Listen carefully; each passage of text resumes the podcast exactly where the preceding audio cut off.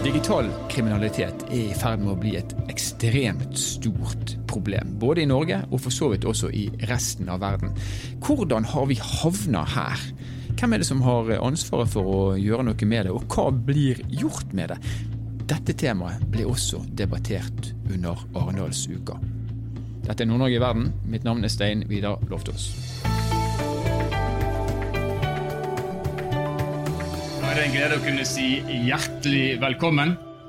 Hvis vi går 20-30 år tilbake i tid, så var et ran som oftest utført av en person med våpen, gjerne finlandshette. Man var på samme sted som eh, offeret sitt. Pengene var ofte også på samme stedet. Sånn er det ikke i dag. I dag så foregår det aller meste eh, av denne typen kriminalitet digitalt. Forbryteren har ikke våpen, han er utstyrt med PC eller datakraft og eh, mobiltelefon. Han er veldig sjelden på samme sted som offeret, eller pengene for den saks skyld. Likevel så eh, snakker vi i dag om at eh, bare norske private bankkunder i 2021 ble fralurt en halv milliard kroner. Tallet for bedriftene er langt, langt høyere, og det er ekstremt store mørketall. Hvordan har det blitt sånn? Hvem er ansvarlig for dette her? Og hva skal vi gjøre med det? Det skal vi drøfte den neste timen. Om litt skal dere få treffe sikkerhetssjefen i Fremtiden Forsikring. Han skal fortelle hvor, hvor galt det egentlig står til, for å si det direkte. Så skal vi få møte direktøren i Forbrukerrådet, vi skal få møte sjefen i Økokrim og eh, konsernsjefen i Sparebank1 SR-Bank for å drøfte hva vi kan gjøre. Men før vi gjør det, så skal vi sette et ansikt på denne formen for kriminalitet. For bak et digitalt ran så finnes det et menneske og et ansikt. Og Ved min side nå så står Inger Johanne Mørkved. Hvis vi går tilbake til 2013, så var hun i en svært sårbar situasjon. Hun hadde blitt enke, mista klippen sin i livet. Eh, og etter en stund så traff hun det, det, som hun da tenkte kanskje kunne bli den nye klippen i livet hennes. Sånn skulle det ikke vise seg å bli. Vi er veldig glad for at du er her, Inger Johanne. Det er viktig at noen tør å stå frem og fortelle sin historie. Jeg syns dere skal gi henne en applaus.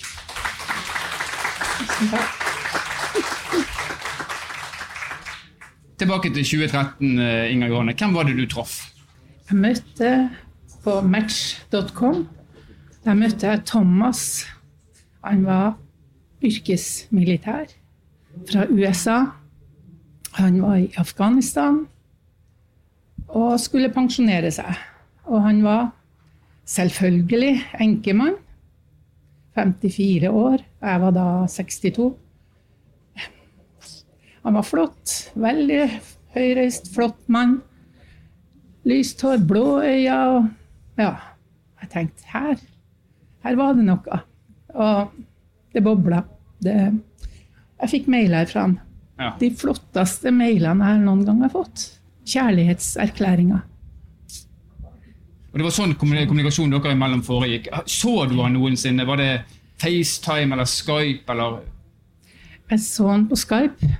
Eh, det meste var jo mailer. Og chat på Messenger. SMS. Han fikk mitt nummer, jeg fikk hans telefonnummer. Og han ringte innimellom. Jeg fikk sympati for han. Og eh, han var jo et krigsherja land, så det var vanskelig med Skype, sa han. Og det lille øyeblikket på Skype, det var i et mørkt rom. Så i dag er jeg ikke helt sikker på om det var han som sto der med Skypen. Men den var kort, som sagt. Han så meg på Skype. Så som sagt, jeg så han et øyeblikk. Og Thomas han var, eh, i tillegg til å være galant og eh, kjærlig og alle de fine tingene der, så var han også en meget holden mann. Han hadde mye penger. Ja han var det. Faktisk så fikk jeg en svær blomsterbukett på døra etter ei ukes tid. Jeg ble hensatt, men eh, han hadde mye penger som han sparte opp. Og i Kabul, som han da var stasjonert, var det ikke mulig å gå i en bank, sa han. Så han har samla opp alle pengene i en koffert. Han sendte meg bilde av kofferten. Seks millioner amerikanske dollar. Og de pengene Selvfølgelig skulle vi starte et nytt liv i Norge, og de pengene skulle sendes til meg. For det var bare kort tid til han skulle pensjoneres.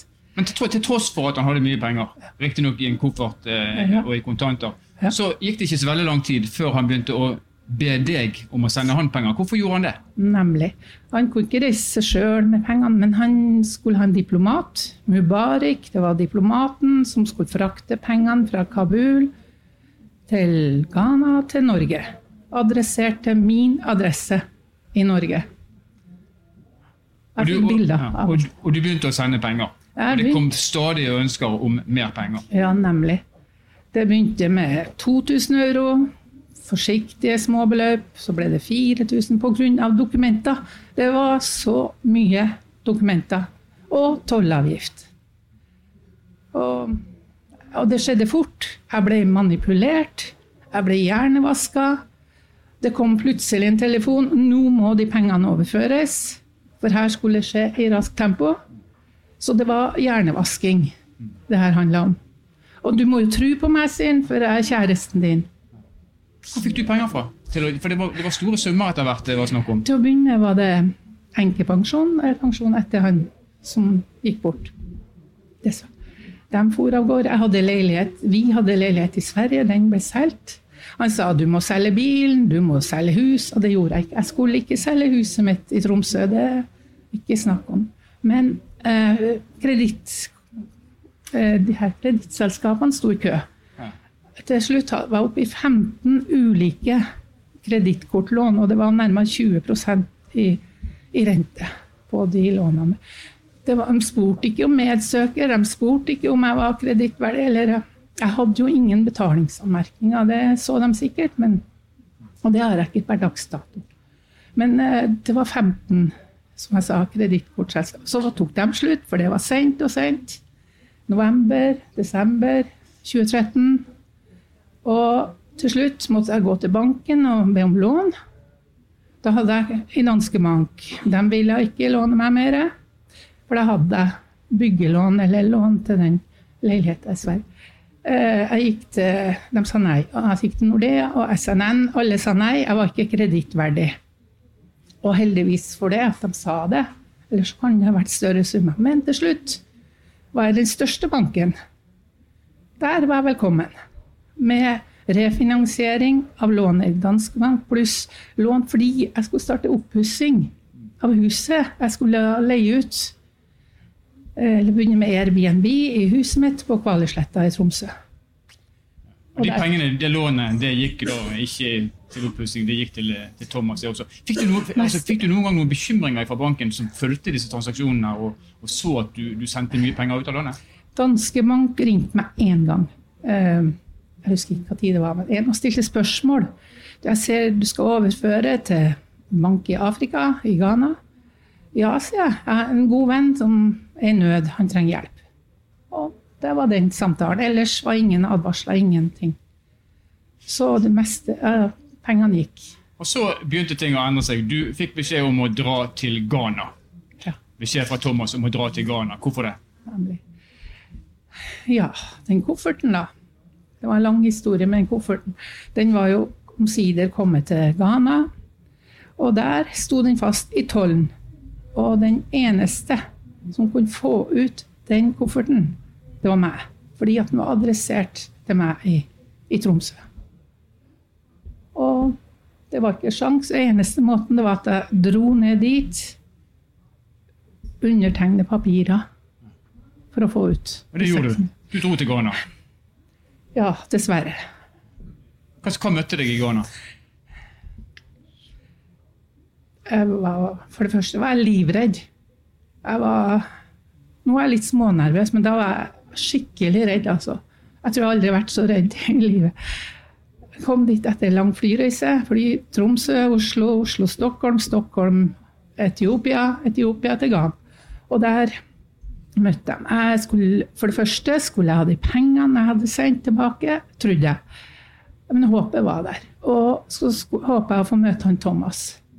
For han hadde jo sagt han har reist fra Afghanistan, han skulle komme til Akra, hovedstaden. Og så håpet var der at han, kjæresten kunne være der. Men jeg ble møtt, jeg ble tatt med på et lite pensjonat. Jeg følte som jeg var i et fengsel. Jeg var på et rom i to døgn der og fikk maten på døra og det jeg ville ha om jus og brød og diverse. Og Så ble jeg tatt med til et advokatkontor. Og vi kjørte, og da vi kom dit det huset, nytt advokatkontor, det var bak en mur. Det var som i en James Bond-film. Det var en svær sånn mur som åpna seg sakte. Da kjørte bilen inn og lukka seg bak oss. Nå tenkte jeg nå, nå er jeg i fengsel. Men eh, der kom på det kontoret. Fryktelig varmt for øvrig. Nærmere det var 40 grader, tipper jeg. Og der kom det inn to uniformerte menn med hver sin koffert. Og de var ikke bare uniformert, de hadde hver sin pistol i beltet. Og her skulle jeg sannsynligvis få de pengene jeg hadde overført. Pengene vi skulle starte opp i lag med. Og jeg fikk en kode på en lapp. Jeg skulle opp, lå på gulvet og skulle åpne kofferten. Jeg var så skjelven, jeg traff ikke på de rette tallene her. og Jeg klarte ikke å åpne, så fikk jeg en nøkkel da, fra han, advokaten for å låse opp. Og der lå det ja, om det var seks millioner, men det lå et brev. Håndskrevet brev fra Og penger. Thomas. Kofferten var full. Kofferten var full, Ja. stappfull. Uh, brevet så sto det her, Inger Johanne, her ligger det åtte millioner amerikanske dollar som vi skal starte med nå. Åtte millioner, sier de, de her uniformerte politimenn, eller hva de Det var seks, snakk om seks. Ja, han har skrevet åtte. Da må du betale 4000 euro ekstra i dokumentavgifter og toll. Og det hadde jo ikke, jeg hadde jo ikke penger. Pengene har gått til billetter og det hele. Så der sto jeg, og tårene rant, og jeg var helt søkkefortvilt.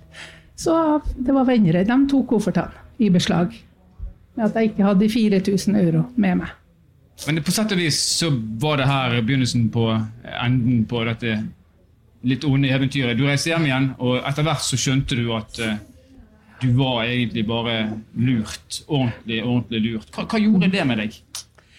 Det gikk opp for meg da jeg kom hjem. Ikke sant? Jeg satte meg ned og regna. Da først torde jeg å se i nettbanken hvor mye var det. Og jeg så det et svimlende tall at jeg hadde sendt i tur og orden to millioner. Og de var tapt. Det skjønte jeg jo da, i slutten av januar, den tida sola kom. Det skjer noe, i hvert fall med meg, når sola er tilbake etter to måneder i Tromsø. Og begynte jeg å våkne og tenke at nå nå er det alvor her. Hva gjør jeg med det? Jeg får ikke pengene. Og jeg hadde bare samla opp medisiner. Jeg skulle blande masse medisin og litt vin og sånn, så bare skulle jeg bare forlate. Takke for meg fra denne verden. Var planen. For jeg tenkte Jeg var altså kommet så langt ned. Men sånn gikk det ikke, heldigvis. Nei. Du er, her, eh, du er her i dag, og det er vi utrolig glad for. Du har mm. hendene dine på en bok du har skrevet. Det kan jo være et tips til alle dere som eh, er her nå og følger denne sendingen. Dette eventyret er nedfelt i boken. Det er mulig å, få den. Det er et ondt eventyr, men du kom ut av det. Men du drar med deg gjelden din. Dette Dette var 2013, det er syv, åtte, ni år siden, og du betaler ennå på etterslepet etter denne saken. Ja. Ja. Jeg betaler 5000 i måneden i, i rente hver måned. 5000, og det, er mye Og jeg er pensjonist. Og, Og Thomas, i den grad han finnes, han eh, er der ute og eh, holder antakelig på sånn som han eh, gjorde. jeg regner med det. Jeg kutta helt. Jeg blokkerte på telefon. og Jeg skifta nytt nummer. Jeg hadde hemmelig nummer en lang periode. For jeg ville ikke bli oppringt fra de her svindlerligaene. Og ny mailadresse. Og skifter ofte passord. Nei. Jeg er blitt kon litt konspiratorisk. Jeg er ganske, ganske skeptisk. i jeg kan forstå. Eh, Helt til slutt, Inga Johanne, hva er rådet til alle de som eh, hører på deg nå? For For det å første unngå å bli dratt inn i en sånn målstrøm? Ja, nemlig. Det viktigste ikke svar på uh, venneforespørsler fra ukjente på Facebook. Og ikke åpne mailer med vedlegg hvor man ikke kjenner avsender. Samme telefon. Jeg får masse, Selv om jeg skifter nummer flere ganger, jeg får fortsatt telefoner fra utenlandske nummer, og jeg blokkerer tvert. Jeg åpner dem ikke. Et godt råd. Vær skeptisk. Det kan være lurt å være litt konspiratorisk av og til. Tusen takk for at du kunne dele historien din med oss, eh, Inger Johanne. Tusen takk.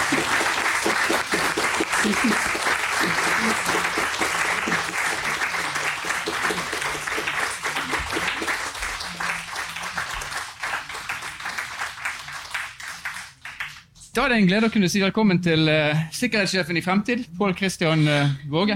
Du, uh, historien som vi hører her, det er jo vanskelig å ikke bli ordentlig berørt av det. Du ser dette her hver eneste dag gjennom jobben din i, i Fremtiden. Ja. både menneskelige skjebner, også mennesker som blir lurt, og også bedrifter etter hvert som, som blir lurt.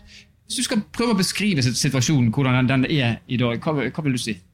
Altså, den er svært, svært alvorlig. Vi har veldig vi har fortsatt de litt mer amatørmessige eh, store kampanjene som går, som på en måte bruker fiskegarn med, som taktikk for ja. å fange de fiskene de får tak i. Men så har vi jo de målretta angrepene, og der ser vi jo at aktørene er jo svært svært profesjonelle. Ja. Og sånn som det tilfellet som ble sagt her, da, så er det jo en, det en bakgrunnssjekk som har blitt gjennomført. og det er flinke folk som har stått i det over tid, og som ser dette på som sin egen jobb.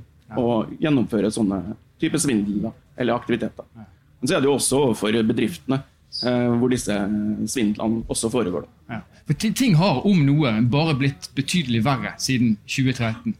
Eh, siden 2013 så ser vi at eh, profesjonaliteten har jo økt. Ja. Eh, det, blir, det, blir, flinkere og flinkere, eh, spesielt i målretta angrepene. Og så ser vi inn mot bedriftene. Ja. Eh, løsepengeangrep, DDoS-angrep som har blitt gjennomført det siste det ser vi jo et økende omfang uh, med, rett og slett. Men kjærlighetssvindel, som da egentlig baserer seg på at uh, de ikke lurer fra folk koder og, og, og, og si, tvinger seg inn på kontoen deres, men de manipulerer de. De eksisterer ennå. Ja, ja, i aller høyeste grad. Ja. Det er jo sosial manipulasjon, som det ja. så fint heter. Og det jo, foregår jo både overfor enkeltpersoner, men det kan også foregå inn mot Eh, posisjoner i viktige posisjoner i de ulike selskapene for å på en måte komme seg inn i selskapet, eller å bruke og få tak i enda mer penger i selskapene også. Eh, Inger Johan har stått frem, det er vi veldig glad for. Flere burde jo eh, kanskje gjøre det. Eh, enkelte selskaper står frem og forteller sine historier. Hydro har gjort det, Notura har gjort det bl.a. Mm. Hvor store er mørketallene? Oh, de er enorme, tror jeg. Ja. Eh, dessverre så tror jeg de er enorme. Eh, jeg vil jo bare berømme det som har kommet frem på scenen her i dag. Fordi det er det vi kan lære av. Ja. Uh, dette er et så omfattende problem, så her er vi nødt til å lære av hverandre. Og vi er nødt til å dele kunnskap mm. med hverandre. Fordi her, og det er det som på en måte det er kanskje vanskelig å bruke, eller feil å bruke ordet fint, men her har vi en felles fiende. Her har vi noe felles vi må jobbe imot. Og det er det perspektivet jeg tenker vi må ha. Så vi må være flinke til å dele kunnskap om både om hvordan vi står imot sånne type svindler, men ikke minst hva vi da skal gjøre hvis vi blir utsatt for det i etterkant. Tusen takk for at du kunne opplyse oss.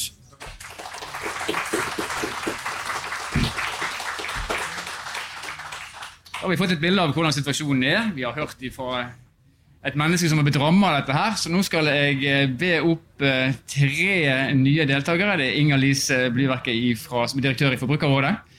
Så er det Benedicte Hasmar Skilbreid fra SR Bank, eller Sparebank1 SR Bank, konsernsjef hun der. Og så er det Pål Lønseth, som da er sjef i Økokrim. Jeg har lyst begynne med deg, eh, Inger Lise, som eh, skal ivareta forbrukernes perspektiv dette. Når du hører på historien til eh, Inger Johanne og Pål sin beskrivelse, hva tenker du om den jevne forbrukers situasjon i dag?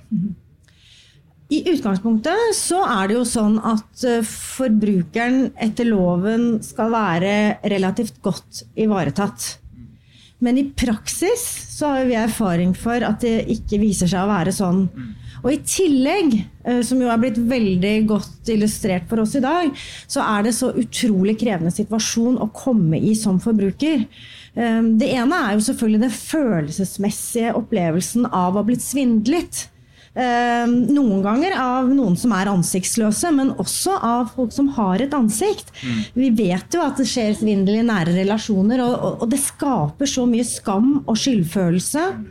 Eh, I tillegg så er det jo en økonomisk konsekvens som kan være dramatisk. Det har vi jo også fått vite, sånn at det gjør det i seg selv krevende.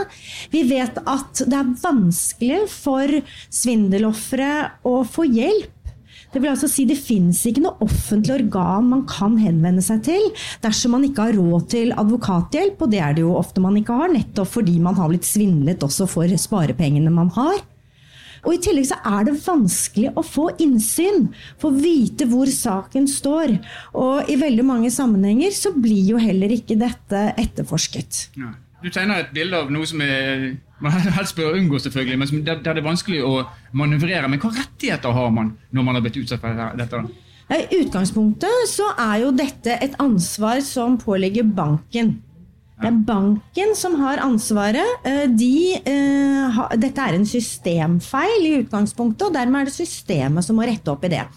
Og Det er jo hovedregelen. Mm. Og Så er det klart at så kan jo også uh, forbruker bli gjort ansvarlig dersom man av ulike ulikvis blir bevist at man ikke har eh, gjort det man kunne for å avverge svindelen. Og der mener jo vi at dagens lovverk faktisk egentlig burde være tilstrekkelig for å sørge for å ivareta eh, svindelofrene, men vi ser jo at det ikke skjer.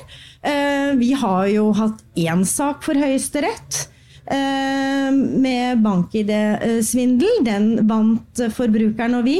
Vi har jo en sak som nå skal opp for Høyesterett, hvor eh, dere som arrangør er motpart. Det er jo en eldresvindelsak, og hvor vi syns det er pussig at, at, banken faktisk velger å, å gjøre dette.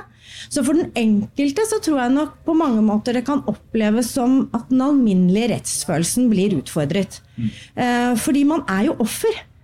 Det, det, er jo ikke, er jo ikke en sjøl som har svindla. Man har jo blitt utsatt for svindel, manipul manipulasjon. Og man har blitt utsatt for det ofte enten av noen man har en nær relasjon til, som det er vanskelig å avdekke, eller av dypt profesjonelle ligaer. Eh, hvor man jo sånn sett ikke har noen mulighet. Eh, og det å sørge for at vi som samfunn ivaretar ofrene i denne sammenheng, det tror jeg er veldig veldig viktig. Ikke minst, som jeg sa, for den alminnelige rettsoppfatning. Man har rettigheter. Kanskje man må være spesielt ressurssterk for å klare å vinne gjennom eh, sakene sine. Jeg ser at Benedicte har lyst til å kommentere, hun skal få lov til det, men jeg har lyst til å spørre deg først, Pål. Du representerer Økokrim. Hvordan jobber dere med denne formen for kriminalitet? Altså I Økokrim så har vi jo vår, oppgave er egentlig å ta de, de største sakene, gjerne med internasjonale forgreninger. Og Tradisjonelt sett så har det vært en, en grei avgrensning. Eh, og at politiet da håndterer eh, bedragerier av mindre art, altså politidistriktene. Og Der ligger det kimen til det som i dag er et større problem. Fordi eh, norsk politi må innrette seg nå fremover annerledes for å håndtere disse bedrageriene. Eh, og i, eh, dette er så stort problem at i, i UK så har en tenketank der knytta til myndighetene sagt at dette genererer så store inntekter til organiserte kriminelle miljøer at det er, kan være en trussel mot rikets sikkerhet. Mm. Det er der vi er. Og det er klart at hele samfunnet må innrette seg helt fra forbrukeren til politiet, som er kanskje den siste delen av denne virkemiddeltrakten må innrette seg på en annen måte enn hva vi, hva vi har gjort i dag. Og dette må vi løse sammen. fordi eh, som vi har fått fortalt, dette er eh, en virksomhet som blir mer og mer profesjonalisert. Eh, deepfake ble eh, Du brukte ikke ordet, men det var det du snakket om. Eh, altså du, du, kan få en videosamtale med, med sjefen din i, i, virksomheten som ser helt eh, ekte ut. Hvor du blir bedt om å overføre x antall millioner vi er der. Vi har eh, bedragerifabrikker ute som er store callsentre. Eh, som sitter 94 eh, og bruker callsentermetodikk for å generere da svindelinntekter. Og Det internasjonale politisamarbeidet er jo innrettet for en analog kriminalitet. Og så kan den fungere på digital kriminalitet også. Men det er en forsinkelse der som skaper ganske store utfordringer. Men ut ifra det du sier nå, er politivesenet er de for konvensjonelt innretta, for å bruke et sånt begrep? Ja, svaret på det ja. ja slett. Uh, og vi, uh, også Økokrim har helt sikkert mye å gjøre, og norsk politi generelt sett må uh, Og der, der, kommer det til å skje ting, jeg er helt sikker på. Men vi må innrette denne kampen på en helt annen måte enn hva vi har gjort. Altså, i dag, så, I den grad vi får anmeldelser, da, Eh, det var 19 000 eller så anmeldelser på bedragerier i 2001. Eh, veldig mange mørketall, helt sikkert. Eh, veldig mange av de 19 000 bedrageriene er digitale. Stor henleggelsesprosent. For klart at det er politidistrikt som får Inge Johannes' historie. da, og veldig, for jeg har lyst til å si det, veldig flott at du står frem med den historien. Vi er nødt til å ha sånne historier frem. Så all honnør for det. Men det er klart at for politiet så er det Ja, dette er eh, Det er ingen norsk aktør. Det er ingen i Norge å pågripe. Eh, det sitter i en jurisdiksjon som er vanskelig å finne ut av hvor den sitter hen. og ender opp helt sikkert med å sitte i en jurisdiksjon som det er vanskelig å ha politi, godt politisamarbeid med, da blir det fort henlagt. Mm. Uh, sånn at jeg tror vi må komme dit at vi ser disse bedrageriene i større grad i sammenheng, og ikke politidistrikt og politidistrikt. Og at man bruker den kunnskapen på eh, metodikk som de bruker, altså uh, modus operandi som de bruker, hvilken teknologi bruker de, til å forstå og sette sammen dette puslespillet, slik at vi settes i bedre i stand til å komme med konkrete advarsler ut til samfunnet. Eh, men også kunne bedre innrette konkrete straffesaker som kanskje gir oss mulighet til å gå ut til en samarbeidende jurisdiksjon og slå ut en fabrikk, f.eks. Vi må ha først og fremst forebygging. Og så må vi prøve å få tatt noen skurker i enden av den trakta. også. Aldri glemme at det er en skurk i enden av prosessene. Benedikte, nå hører du politiet. Selv om de vil, så er de litt, ikke, ikke handlingslamma, men de har kanskje ikke de verktøyene de trenger. Eh, Inger Lise peker på at for, forbrukerne har sterke rettigheter. Hva er det formelle ansvaret til bankene når det gjelder å passe på pengene til folk? Ja, vi er jo viktige samfunnsaktører, og vi har et samfunnsansvar som er ganske dyptgripende. Jeg tenkte jeg skulle komme litt tilbake til det, eh, men jeg har så utrolig lyst til å starte med å si tusen takk eh, til deg, Inger Johanne, som satte et ansikt på eh, og en, en ordentlig historie. Jeg vet at det sikkert har kostet deg veldig, og det berører oss faktisk. og, og det er én ting som i hvert fall er helt sikkert, det er at alle vi tre som står her, vi har ett felles skifte. Og det er faktisk å passe på enkeltmennesker og forbrukere. Og det å, å, på en måte beskytte i den grad vi kan. Og så har vi litt ulike roller og perspektiver eh, inn i det arbeidet. Og forskjellen fra nå, eller nå i forhold til tidligere, er jo at før så kom jo det inn noen med eh, et eller annet foran der og med en pistol i hånda som gjorde, utgjorde en trussel mot medarbeidere i en bank. Nå går de rett på kundene våre med helt andre metoder enn det de gjorde før. Mm. Og Det gjør jo at kravene til hvordan vi opererer i forhold til å hjelpe kundene våre, blir helt annerledes. Mm. Det betyr at de juridiske aspektene ved det også er blitt veldig annerledes. Og det betyr at vi må jobbe sammen med dere helt annerledes enn det man, man gjorde før. Og da er litt sånn til, til eh, det konkrete spørsmålet ditt. Så I mitt hode så har jo vi et ansvar for å sørge for at kundene må få trygg tilgang, og så identifisere seg ved inngangen til et eh, Når de skal i minibanken eller i nettbanken. Der er jo en av de sakene som du var inne på, uh, Inger Lise, det spørsmålet som skal avklares.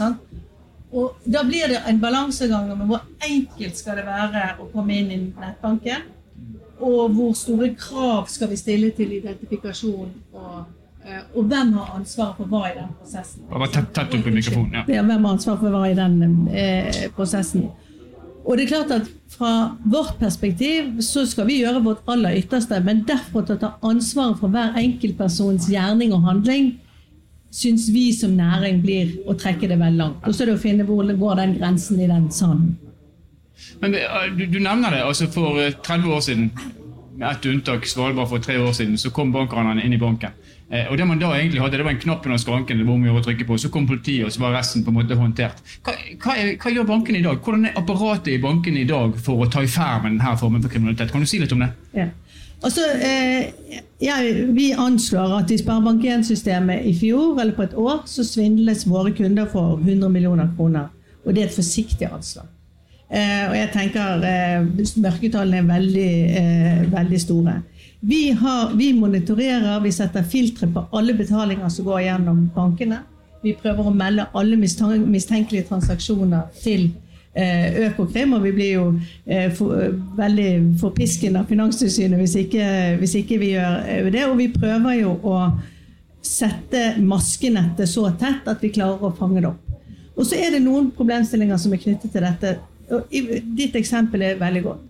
Sett at vi hadde observert at det var uvanlige bevegelser på din konto, ville du satt pris på at vi tok kontakt og sa 'hva er det du holder på med'? Det vet jeg har vært forsøkt hos noen eh, hos oss. Ikke, de som er i den situasjonen, eh, setter ikke nødvendigvis pris på det. Vi har av personvernhensyn ikke lov å ta kontakt med familie eller andre rundt den personen. Og vi har heller ikke lov til å stenge konto. Så vi har noen dilemmaer eh, i hvert enkelt eh, tilfelle. Så jeg tror det å både drive med god opplysning og, og sånn er viktig, og så ikke minst det å ha så sikre som overhodet mulig identifikasjonsløsninger. er selvfølgelig også en del av vår, vår oppgave. Kommentar eh, fra Inger-Lise der? Jeg at eh, jeg er helt enig i at her er vi, Det er en dilemmafull situasjon, og det er veldig krevende. Og vi snakker også om litt ulike ting her når vi, når vi snakker om, om, den type svindel. Uh, og, men, men jeg, jeg, tenker at noe er rimelig klart. Det, det, trenger vi egentlig ikke å diskutere, både med dagens finansavtalelov og den som straks blir effektuert og eh, implementert. Så er det hovedregelen er at det er banken som er ansvarlig når Eh, en kundes konto urettmessig har blitt tappet. Og så fins det en del mekanismer der som øh, øh, nyanserer det. Uh, men, men, for meg er det faktisk ganske viktig å høre banken si det, og det håper jeg og forventer jeg at de gjør. Det, det fins ganske lite systemer rundt kunden når uh, det verste har skjedd, hvis ikke banken går inn og tar sitt ansvar. Og der er det veldig veldig klare regler. Altså, altså bankens uh, Du skal si 'jeg har blitt svindlet, jeg må få pengene inn på, på, konto fra dere'. Og hvis banken mener at det er feil, så skal man innen fire uker sende det til Finansklagenemnda, og så skal Finansklagenemnda gjøre en vurdering av det. Vår oppfatning er at veldig mange banker er trege.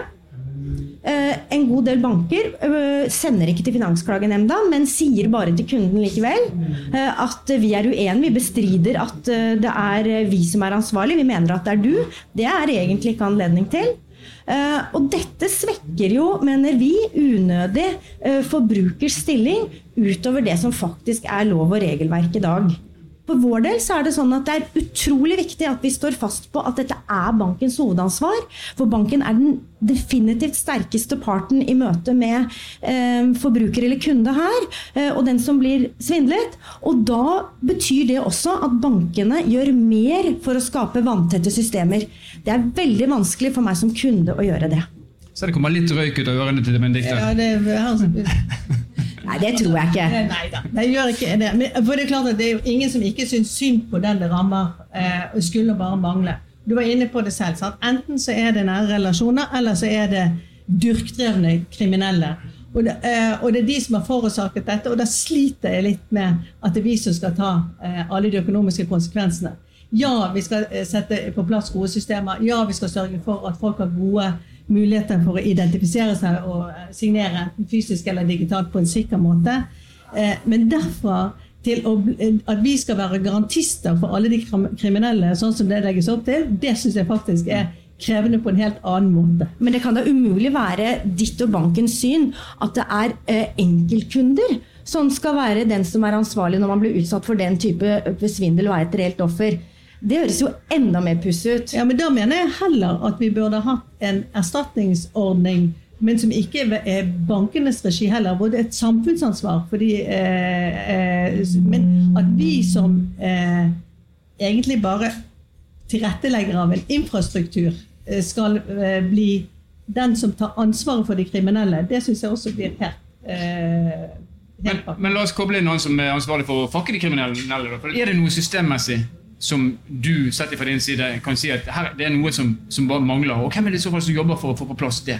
Ja, altså Vi har jo hvitvaskingsregimet vært nevnt. Det er en viktig del av det. ikke, ikke bare det, men selvfølgelig, men dette med deling av informasjon, deling av moduser, eh, være konkret og dele informasjon. Jeg tror bankene f.eks. seg imellom har et stort potensial i å samarbeide og utveksle informasjon seg imellom, som, som ikke alltid er like lett. Det sitter jo veldig ofte mange banker og håndterer akkurat samme kunden, gjør samme risikovurderinger uten å snakke sammen. Mm. De ser ikke informasjon i sammenheng. Så sånne type kanaler er veldig viktig eh, fremover, tenker jeg. Det blir enda viktigere.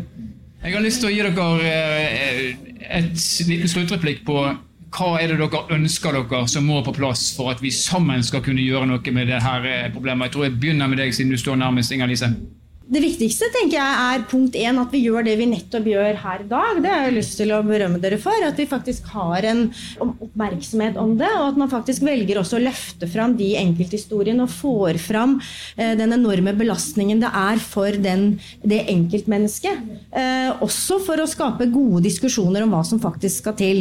Og så tror jo jeg at eh, vi, vi, kommer ikke unna at um, det er en del av bankenes samfunnsoppdrag. Det er jo å sørge for de systemene som så langt overhodet er mulig, sørge for at enkeltmennesker som har puttet pengene sine i denne banken og bidrar til vekst, utvikling, overskudd for eh, eierne, også får den beskyttelsen av sine verdier som de på mange måter har krav på. Benedikte, sikkert som banken, det gjelder fortsatt? Ja, jeg, jeg er veldig enig med deg. Eh, at det er liksom grunnpilaren. Og så er det klart at eh, hvem som har systemsvikt, er, blir jo liksom det store spørsmålet. Men jeg tror likevel vi har en veldig felles interesse i forhold til å beskytte hver enkelt i det norske samfunnet. Og det vi kan gjøre i praksis, er jo punkt én å sørge for at det er trygg aksess til penger, altså og identifikasjon og sånn. Eh, det er trygg monitorering av pengestrømmer og kanskje reise det røde flagget når man ser unormale bevegelser, ikke bare til Økokrim, men også til kundene. Og så tror jeg samarbeid er den siste nøkkelen, hvor vi kanskje må se på muligheter for å utveksle informasjon som vi ikke har anledning til å gjøre i dag, for å klare å møte din forventning eh, om et bedre system. rett og slett. Mm. Pål, siste ord til deg. Ja, nei, Samarbeid er fortsatt veldig, eh, veldig viktig. Og, og så vil jeg kanskje si at uh, bruk de virkemidlene dere har til å komme med advarsler til kundene deres. Uh, trekk det så langt dere føler er rettslig forsvarlig. Uh, og si ifra når dere ser risikoer. Mm. Vi lar det være siste ord. Tusen takk til Pål, til Benedicte, til Inger Lise. Igjen tusen takk til Inger Johanne og til Pål Kristian. Takk for at dere var her og fulgte oss. Takk til dere der ute på strømmen. Gå ut, gå hjem og skift skjorte, holdt jeg på å si. Det skal jeg gjøre i hvert fall. Takk for nå. Dette var den eh, tredje og siste episoden som er eh, henta fra årets Arendalsuke. Så skal ikke du se bort ifra at vi neste år omtrent på samme tid er tilbake igjen med en ny Nord-Norge-dag, og kanskje også andre viktige og relevante tema for Nord-Norge. Nord-Norge i verden er en podkastserie som er laga av Sparebank1 Nord-Norge i samarbeid med Helt Digital. Musikken du har hørt er laga av Emil Karlsen. Mitt navn er Stein Vidar Loftaas. Vi høres igjen i neste episode.